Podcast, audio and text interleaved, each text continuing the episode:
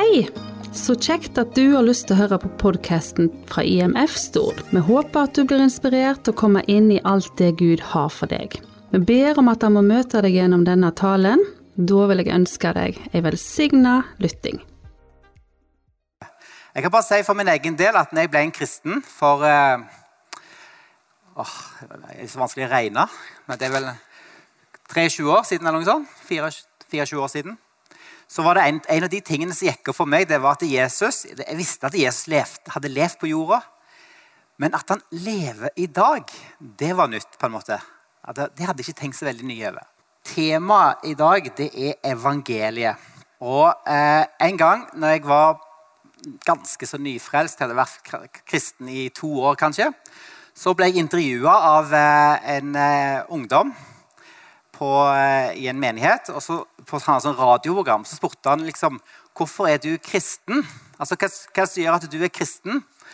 Og så svarte jeg han noe sånt som at jeg er kristen fordi at jeg har tatt imot evangeliet. Jeg har vendt om, og nå tror jeg på Jesus, og nå vandrer jeg med han. Og Så gikk det en stund, så sa jeg til han du, det intervjuet der må du bare slette. Det var helt feil. Hørte du hva jeg sa? Jeg har gjort ditten. Jeg har gjort datten. Jeg har trodd. Jeg, det handler om hva jeg hadde gjort.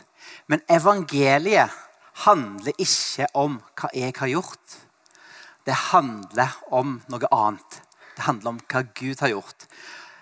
Jeg hørt flere som sier at, det, at du, jeg kan ikke bli en kristen jeg, fordi at jeg, eh, ja, jeg får det ikke til. Men evangeliet handler jo ikke om hva vi skal få til, men det handler om noe annet. Hvis du skulle forklart til en venn som kom til deg og spurte hva er evangeliet, hva ville du sagt da? Tenk litt på det. Hva er evangeliet for noe? Det var en som satt på toget, og så var det en som skulle evangelisere. Vet du hva han sa? Toget var liksom på vei, og så skjønte at nå stopper det. så nå, nå har jeg sjansen.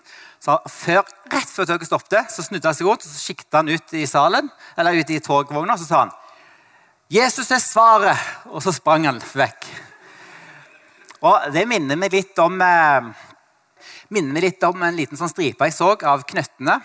Og Der ser du at det er en som springer rundt med en sånn skilt. 'Jesus er svaret'. Så kommer det en etterpå. Men hva er spørsmålet? Og det er jo interessant. Hva er spørsmålet? Hva er evangeliet egentlig? Og hvis dere ser på ordet evangeliet, så ser dere at det er satt sammen av to ord. Ev og angeliet. Angeliet det kjenner vi igjen fra ordet engel. ikke? En engel det er en budbærer. Og ev det betyr god, så det betyr rett og slett gode nyheter. Gode nyheter er det. Evangeliet er gode nyheter. Ja, det er sånn da at det, når Paulus skriver om evangeliet, og Jesus forkynner evangeliet, så bruker de et ord som ga mening til folk. Altså, Det var ikke tatt helt ut av løse lufta. Og Da har jeg lyst til å vise hvordan det ble brukt i antikken. Og Da skal vi først ta en liten tur innom Romerriket på en eh, første påskedag. Det passer fint, det. Han kjenner dere kanskje. Julius Cæsar. Julius Cæsar. Han eh, levde fra år 100 til år 44 før Kristus. Da, I 44 før Kristus da ville han være sånn enehersker i Romerriket. Det likte de ikke. Så da tok de og knivstakk han. Og det var sånn 30 knivstikkinger sånn cirka. Så han, han, var ikke heldig. Så de likte ikke det. En av de var jo, så Knivstakkeren var Brutus. Og hvis noen som kan sin Shakespeare her inne, så kjenner dere sikkert til det spillet som baserer seg på den historien. Så hvorfor snakker jeg om dette? Jo, for det at det, eh, når han døde, så var det noen som ville hevne seg på han. Og det er de to karene Gaius Octavius og Marcus Antonius. De slo seg sammen og ville hevne de som drepte eh, han her eh, Cæsar. da. Og, og når de var ferdig med det, så ble de, så ble de to fiender. Og eh, han ene, eh, Antonius, han ville ha republikk videre. Mens eh, Octavius han ville bli keiser, sånn som så sin eh, far eller han var adoptert av Julius Cæsar så ble de, de ble skikkelig rivaler. Og nå var det sånn da i Romerriket at det, eh, da satt de i Rom. Det var folk som heide på den ene og heide på den andre. Og må ikke tro at det var som å heie på Brann eller Viking. Ja, Hvis du har vært i Bergen og heier på Viking, så tror jeg at du ligger tynt an. Eh, men eh, det, var, det, er noen som prøvde, og de har gått inn på fotballpuben i Bergen og så ropt 'Heia Viking'. og Det gikk ikke bra. Men eh, det gikk enda dårligere her. for du, når du når er sånn situasjon som dette, så er det veldig farlig. Noen de heide på Antonius, og de andre heide på Oktavius. Og så, eh, så, var det jo da sånn da at de ble, gikk og reiste litt rundt i Romerriket og fikk allierte. Og sånt, og så ble det en skikkelig kamp. Og Da var de altså i et skikkelig sånn sjøslag eh, i Aktium, rett eh, vest for Hellas. Og Der, der kjempa de to i lag. og så eh, satt de hjemme i Romerriket, eller i Roma. og Der satt de. Hvordan går dette?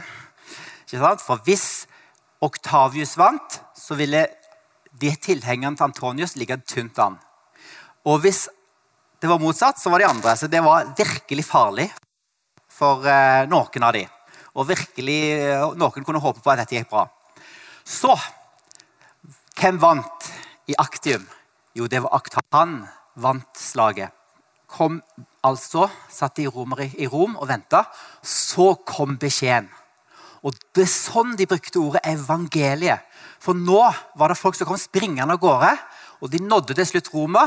Og så ropte de ut det gode budskap. Oktavion Cæsar har vunnet en stor seier. Sånn ble ordet evangeliet brukt. Det var altså ordentlig gode nyheter som noen bringte fram i et sånt ærend.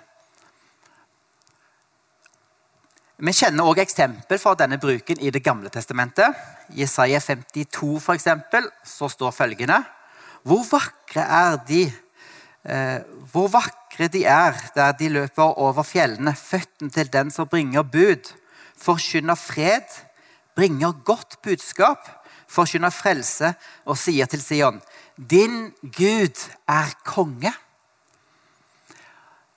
I den hebraiske bibelen så, det, så, står ordet for å bringe bud eller å bringe godt budskap. Det er bazar. Jeg måtte ha et hebraisk ord Henriette, med her også. Men på den greske så er det evangelizo. Altså å, bringe, å evangelisere, å bringe godt bud. Så det å, Evangeliet handler om det gode budskap om kongen som kommer. Og I dette tilfellet fra Jesaja 52 så er det et budskap som handler om at de som fører bort til fangenskap i Babylon, de skal få komme tilbake. Kongen kommer og berger dem. Ok.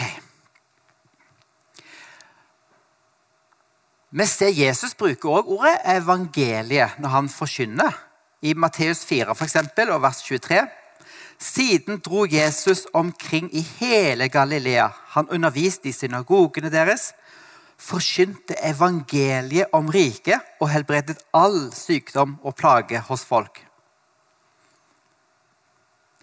Har du tenkt på det? at det, hvis, hvis, jeg skal forklare evangeliet til noen, så vil det innebære et eller annet med korset og oppstandelsen. Men her går Jesus og forkynner evangeliet før korsfestelsen. Hva forkynte han for noe? Har du tenkt på det?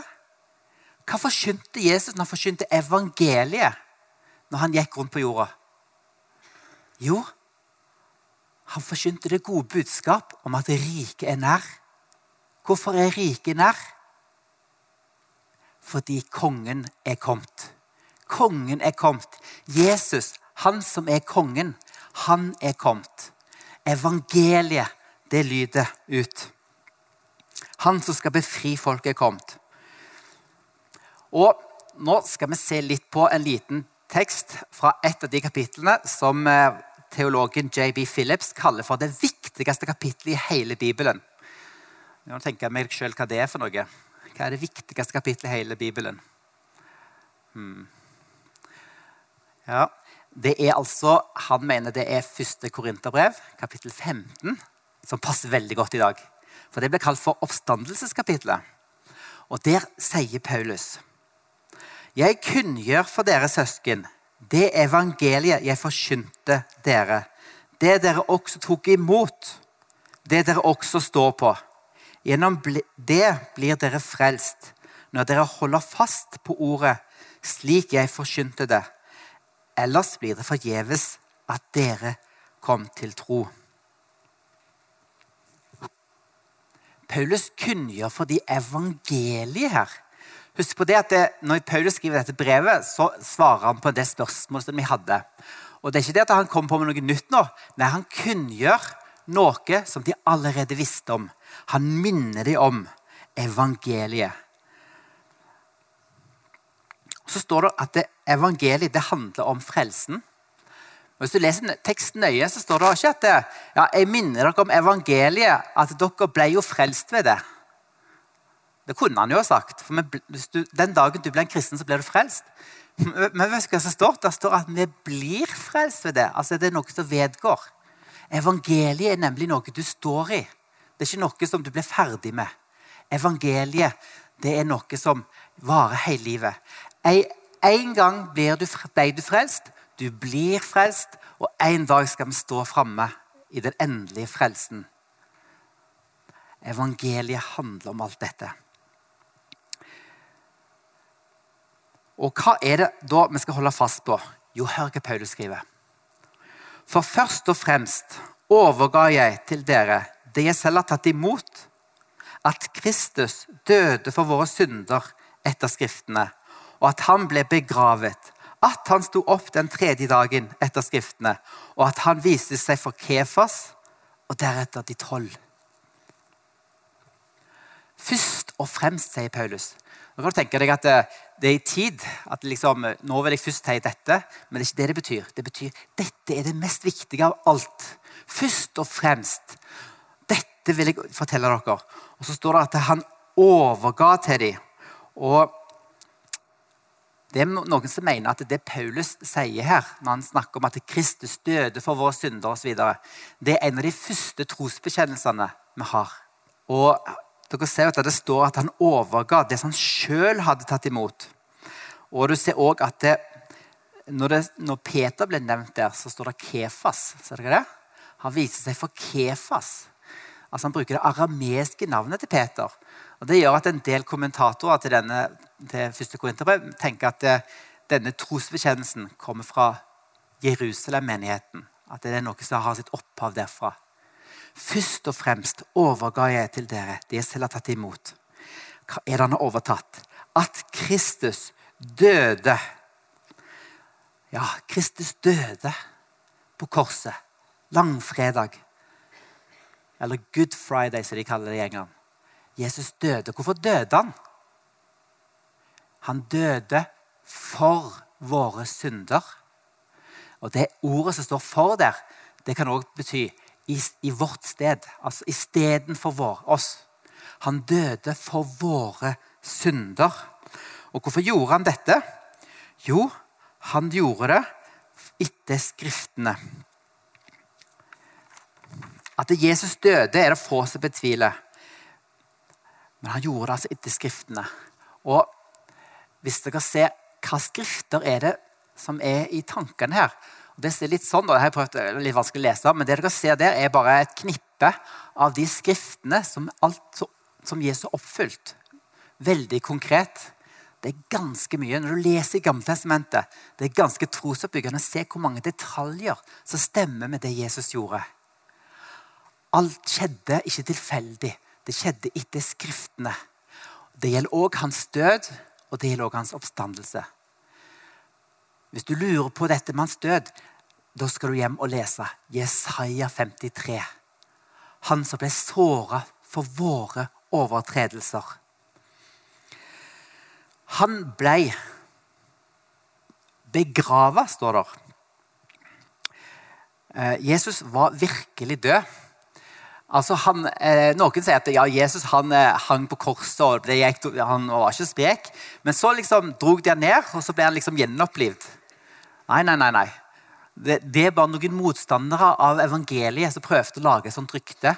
Og det faktisk er, er, er på 800-tallet og utover at sånne rykter begynte å, sånne teorier begynte å komme. Så det er ikke noe, noe som florerte i uh, urtiden, altså etter, rett etter Jesu tid. da han virkelig ble død, og han ble begrava. Og så står det at han sto opp. Eh, og nå vil jeg bare si til dere at det, Mange leser 1. Korinterbrev, kapittel 15, så ser vi her at det står veldig mange gode argumenter for, for oppstandelsen. Men husk på det at det, Paulus, når han skriver til korinterne, så er det egentlig ikke for å overbevise dem om, om oppstandelsen. Det er mer at han vil minne dem om det de har lært om oppstandelsen. For det trodde de at Jesus hadde stått opp. Men i korintmenigheten var det noen som hadde sådd tvil om oss. Hva med oss når vi dør? Noen hadde sagt at oppstandelsen allerede hadde vært. Og så bare minner han de om at Jesus har stått opp fra de døde. Og han har fått en ny kropp, og en dag skal vi òg stå opp fra de døde. Og det er veldig trosoppløftende å se at det er også det er etter Skriftene. Og Hvis du har lyst til å lese litt om hvordan du finner ut hvor, hvor henne står det etter Skriftene om Jesu oppstandelse, så skal du gå hjem og så skal du lese Apostelens gjerninger, kapittel 13. For det forteller Paulus om dette. Men det skal jeg ikke ta nå, for jeg har ikke tid til det. Eh, så Jesus han er stått opp. Han er oppreist for de døde som din første av alle andre oss andre som en dag skal nå fram til oppstandelsen. Så kan vi tro på dette? Jo, hør hva som står. Deretter viste han seg for mer enn 500 søsken på en gang. Av dem lever de fleste ennå, men noen er sovnet inn. Deretter viste han seg for Jakob, deretter for alle apostlene, og aller sist viste han seg for meg, jeg som bare er et ufullbåret foster. Dette skriver Paulus ca. 20 år sånn cirka, etter oppstandelsen. 20 år, er det lenge? Det kommer an på hvem du spør. Hvis jeg spør eh, Mathias, som sitter bak der, han er vel eh, 22 år? Eller noe sånt? 21? 22? Hvor gammel er du? Han er 21 år. Han er sønnen min. Jeg burde vite det. Hvis jeg spør han, så er 20 år veldig lenge. Men hvis du spør meg, så tenker jeg 20 år siden Det er jo i, i eh, Nå skal jeg ikke begynne å regne her, det går dårlig. 1999. 1999, du. Det er ikke lenge siden. Jeg husker jeg satt eh, på nyttårsaften til, det skulle bli år 2000. Da var det sånn 2000 sånn problemer. Nå ryker alle lysene i hele landet. Nå, nå er alle datasystemer bare går galt. Det, det, er ikke så veldig lenge siden. Dere husker det? gjør dere ikke det? Mm. Så Da har dere en feeling med at når Paulus skriver dette, det er 20 år siden han skriver det. Og 500 så Jesus på en gang, og av de lever en del ennå når Paulus skriver det. Og hvis jeg var i tvil om, var i tvil om oppstandelsen se her, Vi har så mange vitner. Noen av de riktignok døde, men det er mange av de som lever ennå. Oppstandelsen skjedde. Jeg synes kanskje Et av de beste argumentene for oppstandelsen det er at du og meg sitter her i dag. Eller står her i dag. Tenk deg det, hvordan evangeliet bretter seg ut på jorden etter at, eh, at eh, Jesus døde og sto opp igjen. Her hadde de fulgt Jesus i godt tre år. Og så dør han på et kors. De måtte jo vært så desillusjonert. Ja, Vi ser faktisk et bilde av hvor desillusjonert de kan bli. fordi at det, eh, Noen dager etterpå så, så vandrer det noen til, til Emmaus. Det har såkalte Emmaus-vandrerne. Og De går der litt molefonkt og vandrer. Og så Jesus han kommer gående bak dem og så spør de, hva er det dere snakker om. Så var De var så skuffa, for de hadde jo satt alt sitt håp på Jesus. De trodde det var han som skulle forløse folket sitt fra det fangenskap de var i. Romerne som styrte, og alt det der. De var desillusjonert, skuffa. Men så møter de den oppstandende Jesus, og det forandrer alt. At Jesus sto opp, det endrer hele saken. Og det er det som gjør at han, som er Herren vår, han har all makt i himmelen på jord. Derfor kan vi gå ut. Og derfor gikk de ut. Styrka i Den hellige ånd, så kunne de gå ut og forkynne evangeliet. Og hva handler evangeliet om? Jo, det handler ikke om at Oktavius seira. Nei, det handler om at Jesus har seira. Jesus seira. Gode nyheter, kan vi si. Jesus Kristus har vunnet en stor seier. Hvordan kan vi vite det? Jo, oppstandelsen viser det. Oppstandelsen viser at Jesus' seier, den gjelder for oss. Hvor vant Jesus seieren henne? Det er litt forvirring i dag rundt det, faktisk. For det første er det Liberale teologer som mener at seieren var at Jesus viste sin kjærlighet til oss. Som et godt eksempel. Men det gir ikke mening. Jesus han vant seieren på korset. Der tronte han over alt. Han ga sitt liv for oss. Han gjorde det ved at han tok på seg den straffen vi skulle ha, når han ga sitt liv på korset. Og noen tenkte der tapte han. Han kom under Gud Faders forbannelse. Min Gud, min Gud, hvorfor har du forlatt meg? På korset vant han seieren.